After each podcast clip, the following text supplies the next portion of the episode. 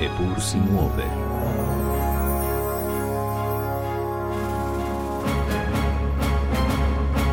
In vendar se vrti. Ne bo prvič, da bo Slovenija sedela v varnostnem svetu Organizacije Združenih narodov kot nestalna članica tega organa. Seveda, če bo junija na glasovanju dobila dvotretinsko podporo glasujočih držav. Kot mlada demokracija je Slovenija to funkcijo opravljala v letih 1998-99, v novič je poskušala dobro desetletje pozneje, ko pa se je morala umakniti prepričljivejšemu Azerbajdžanu.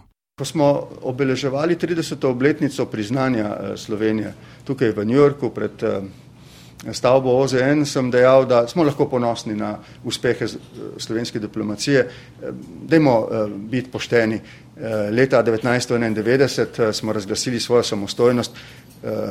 Tri desetletja kasneje je Slovenija samostojna država, vključena v Evropsko unijo, v zvezo NATO, pripada zahodnemu svetu kot suveren faktor, oblikuje eh, svoje eh, zunanje in varnostne politike, jih usklajuje z našimi partnerji, zavezniki in prijatelji. Eh, mislim, da smo dosegli pravzaprav osupljive rezultate. Eh, moramo pa vedeti, da se na starih lovorikah ne da v celoti živeti, jih je treba ne, o, o, kako bi rekel, negovati in krepiti z novimi dosežki.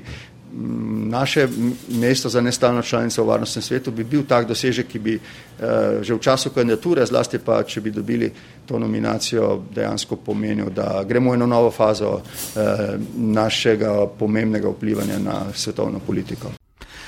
Takole je septembra v New Yorku ob robu generalne skupščine OZN tedajni predsednik republike Borut Pahor v dobro minuto strnil 30 letja slovenskih diplomatskih prizadevanj.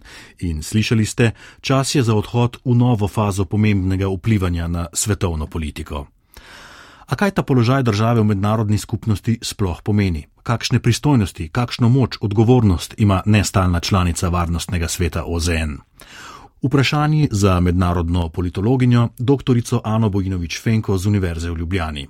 Varnostni svet ima za poglavitno nalogo ohranjanje miru in varnosti. Glede na to, da ima samo 15 članic od skupaj 193 držav, je jasno, da je to izjemna priložnost.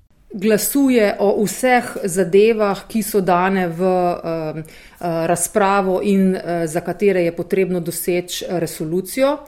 Pri tem ima en glas, tako kot vse druge države članice Varnostnega sveta, um, nima pa možnosti ustaviti odločitve, uh, sprejema odločitve, tako uh, kot um, stalnih pet članic Varnostnega sveta, uh, ko zadeva uh, gre o vsebinski razpravi. Ne, To, to pač eh, pravico veta nestalna članica uh, nima.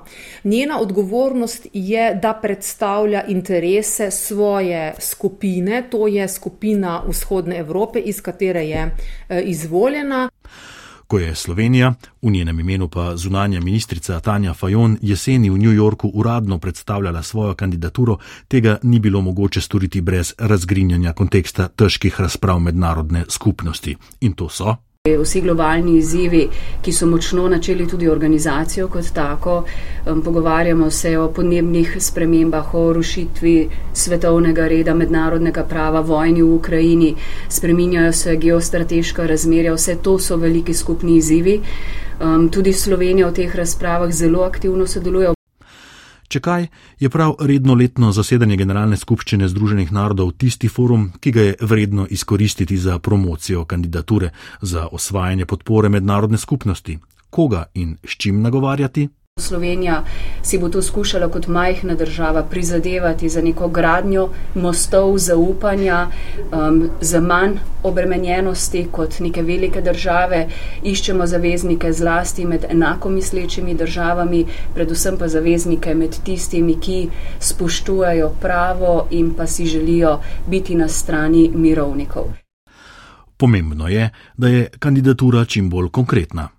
Čisto vsakemu sogovorniku, sogovornici prenesem, da je Slovenija majhna, ampak zelena država z veliko vode, z vodno diplomacijo. Poudarjam vse te izzive, ki so skupni ne samo Sloveniji in Evropi, ampak afriški celini, ko gre za um, zeleno prihodnost, ko gre za zagotavljanje obnovljivih virov energije, za boj proti podnebnim spremembam, za pomoč in razumevanje med majhnimi državami, ko se bijajo konflikti ali se ruši svetovna ureditev. Vse to lahko Slovenija prinese v varnostni svet. Mi imamo svoje izkušnje in si želimo te izkušnje zagovarjati. Zunanje ministrstvo je sprožilo obsežno kampanjo. Vanjo se intenzivno vključuje posebni odposlanec zunanje ministrice za kandidaturo Slovenije za nestalno članico Varnostnega sveta, Franci But, ki je za nas takole skiciral slovensko ambicijo v tej vlogi. Da pride do utrditve, do razrešitve mednarodnih konfliktov, da pride do utrditve mednarodnega miru in da pravzaprav uh, svet še naprej temelji na multilateralnem pogledu in pristopu in s čim skuša mednarodno skupnost pridobiti na svojo stran, s temami, s katerimi je Slovenija že doslej gradila svojo prepoznavnost. Opolnomočenje žensk, eh, skrb za otroke in eh, v konfliktnih situacijah mednarodno pravo, svetovni mir, na drugi strani pač tudi te nove okoliščine, ki jih pravzaprav moramo vzeti v obzir in jih, tudi, in jih tudi priznavajo v širšem prostoru, praktično skoraj da vsi. Je to tisto največ, kar Slovenija lahko doseže v tej vlogi? Kakšno ambicijo ima oziroma naj ima? Paziti je treba na pozitivni ugled države, pravi profesorica Ana Bojinovič Fenko. Z vsebinskega vidika pa menim, da bo Slovenija največ naredila, če bo sledila svoje strategiji zunanje politike, tem najbolj dolgoročno zastavljenim ciljem, torej skrb za človekove pravice najbolj ranljivih skupin, uh, pokonfliktne uh, obnova, ženske, otroci, nekoliko tudi starejši, to lahko preberemo v, v naših strategijah zunanje politike iz 2015. Nekaj od tega je bilo tudi v tej zadnji, iz 21 ohranjeni. Um, potem seveda uh, okoljska diplomacija, tukaj ne vem, kako se načrtuje morda obuditi zeleno skupino, ki je bila zagnana pred zdaj verjetno že deset let tega, ne, uh, ampak uh, to je tema, kjer, ki se ji ne moremo uh, izogniti, glede na to, uh, da tudi um, ne, preboj, zelene, ne vem, tranzicija oziroma prehod, um, varstvo okolja in te teme so ključne teme v um, tako mednarodnem razvoju, kot gospodarskem sodelovanju, trgovini, kot seveda tudi v, v smislu uh, politične ureditve uh, delovanja um, držav. In opozarja na neko inovativnost. Zadnja stvar, ki pa mislim, da je nekaj novejšega, da si tukaj zunanje ministrstvo prizadeva zgraditi kar eh, neke zmogljivosti, glede na to, da je to neka geografska primerjalna prednost, mogoče tudi znanstvena primerjalna prednost Slovenije, je pa vodna diplomacija. Kaj ti tukaj gre, ne za neko obrat, se pravi, ne za delovanje, recimo v okviru reševanja konfliktov, medijacije, ponujanja dobrih uslug um, ex ante ampak za obravnavo vzrokov konfliktov, ki so povezani z dostopom do tega najpomembnejšega vira. Eh, in to je dostop do vode, in v bistvu se pravi na nek način reševanje tehničnega vprašanja, če lahko rečemo v narekovaju, ne, skozi znanost, tehnologijo, ampak hkrati tudi eh, zelo eh, vprašanja, ki vpliva na, na vse zadnje tudi, tudi mednarodni mir in varnost. Organizacija Združenih narodov je bila zasnovana v nekih povsem drugačnih časih. Ali je njen ustroj, njeno delovanje še primerno za reševanje izzivov današnjega dne, ki je preživeta in ki je dan danes nepogrešljiva? Zagotovo je organizacija preživeta z vidika um, odgovornosti velikih sil, um, ki več niso tiste sile, ki so danes poklicane, da bi odgovornost izvajale. Torej, teh pet držav, ki so bile vzpostavljene kot tiste, ki so najbolj odgovorne, da so premagale fašizem in nacizem v drugi svetov, pod, uh, svetovni vojni, uh, danes niso več same um, velike sile. Treba bi bilo vključiti tudi nekaj drugih, predvsem regionalnih sil, o tem organizacija že dolgo razpravlja, vendar um, ne pride do. Um, odločitve, ki bi seveda tem petim, ki bodo začele more biti deliti uh, stalni sedež, uh, to stalno mesto in pravico do veta z drugimi, da bi bilo jim to pogodo. Tako da tukaj zagotovo ta reprezentativnost ali če želite nekoliko večja vključenost, demokratičnost, no, če že tako rečemo, bi morala biti naslovljena. Um, druga stvar, kjer pa mislim, da je organizacija um, še vedno izjemno aktualna in potrebna in opravlja zelo dobro delo, pa je, da ostaja središče eh, usklajevanja naporov eh, držav za ohranjanje mednarodnega miru in varnosti. Seveda imamo države, ki to središče kdaj pa kdaj zapustijo. Naprimer, ZDA oblikuje koalicijo voljnih in uh, intervenira v Irak, Rusija uh, intervenira v Ukrajino. Ampak niso samo neposredna vprašanja uh, uporabe vojaške sile tista, ki jih Združeni narodi obravnavajo.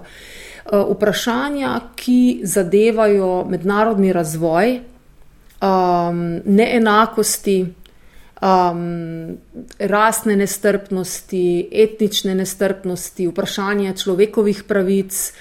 Uh, se pravi, ne nujno vprašanja, ki so neposredno zadevajo uh, mir in varnost, ampak jo pa posredno, zelo veliko krat so tudi vzroki ne, za konflikte.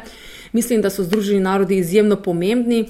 Ali če malo drugače obrnem, če pogledamo, kdo je pomemben na globalnem trgu, Eh, tam pomembnost merimo v materialnem smislu obsega denarja, investicij, zaslužka v trgovini.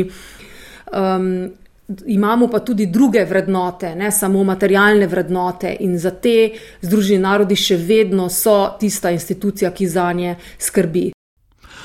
V kako različnih predstavah o svetovni ureditvi živimo, se težko bolj nazorno prikaže kot na primeru vojne v Ukrajini, tudi v kontekstu iskanja podpore kandidaturi. Bivši predsednik Pahor je odločanje med Slovenijo in protikandidatko Belorusijo, s katero se za isti položaj potegujeta znotraj vzhodnoevropske regionalne skupine, postavil v kontekst odnosa do vojne v Ukrajini. In jeseni je pravilno ocenjeval, da tej vojni ni videti konca ta pomemben faktor odločanja bo gotovo vojna v Ukrajini.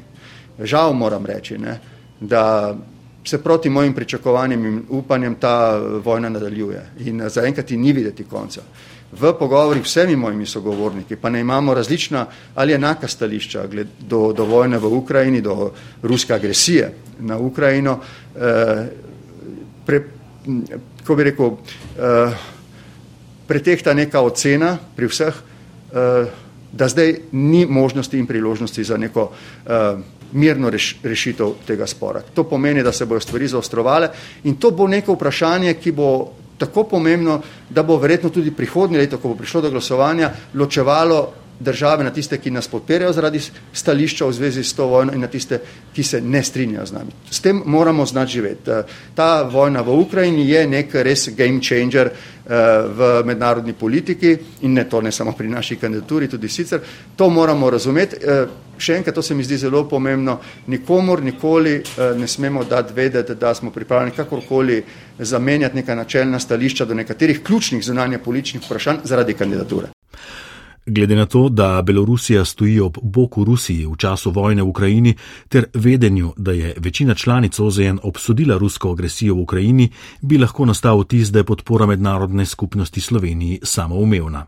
Posebni odposlanec Franci But. Vsaka država, ki kandidira, je resna konkurenca.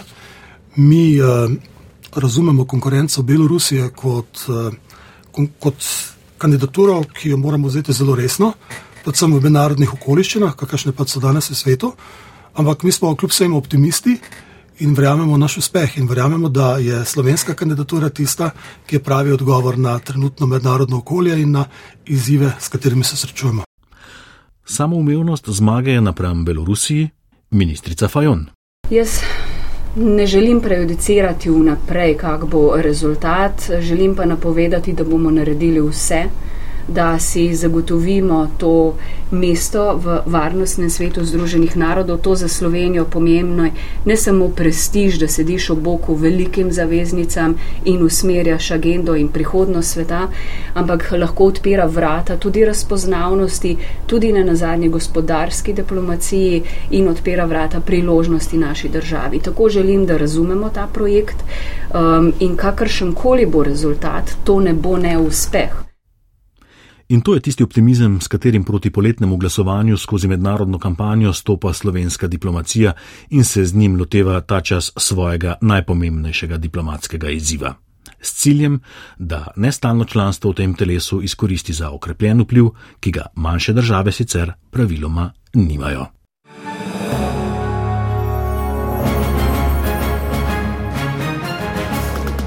Poslušali ste oddajo uredništva zunanje političnih oddaj Epursi Move in vendar se vrti. Zvokovna obdelava Robert Markoč, avtor je Luka Robida, redaktorica Sandra Krišelj. Oddajo najdete tudi v arhivu in med podcasti.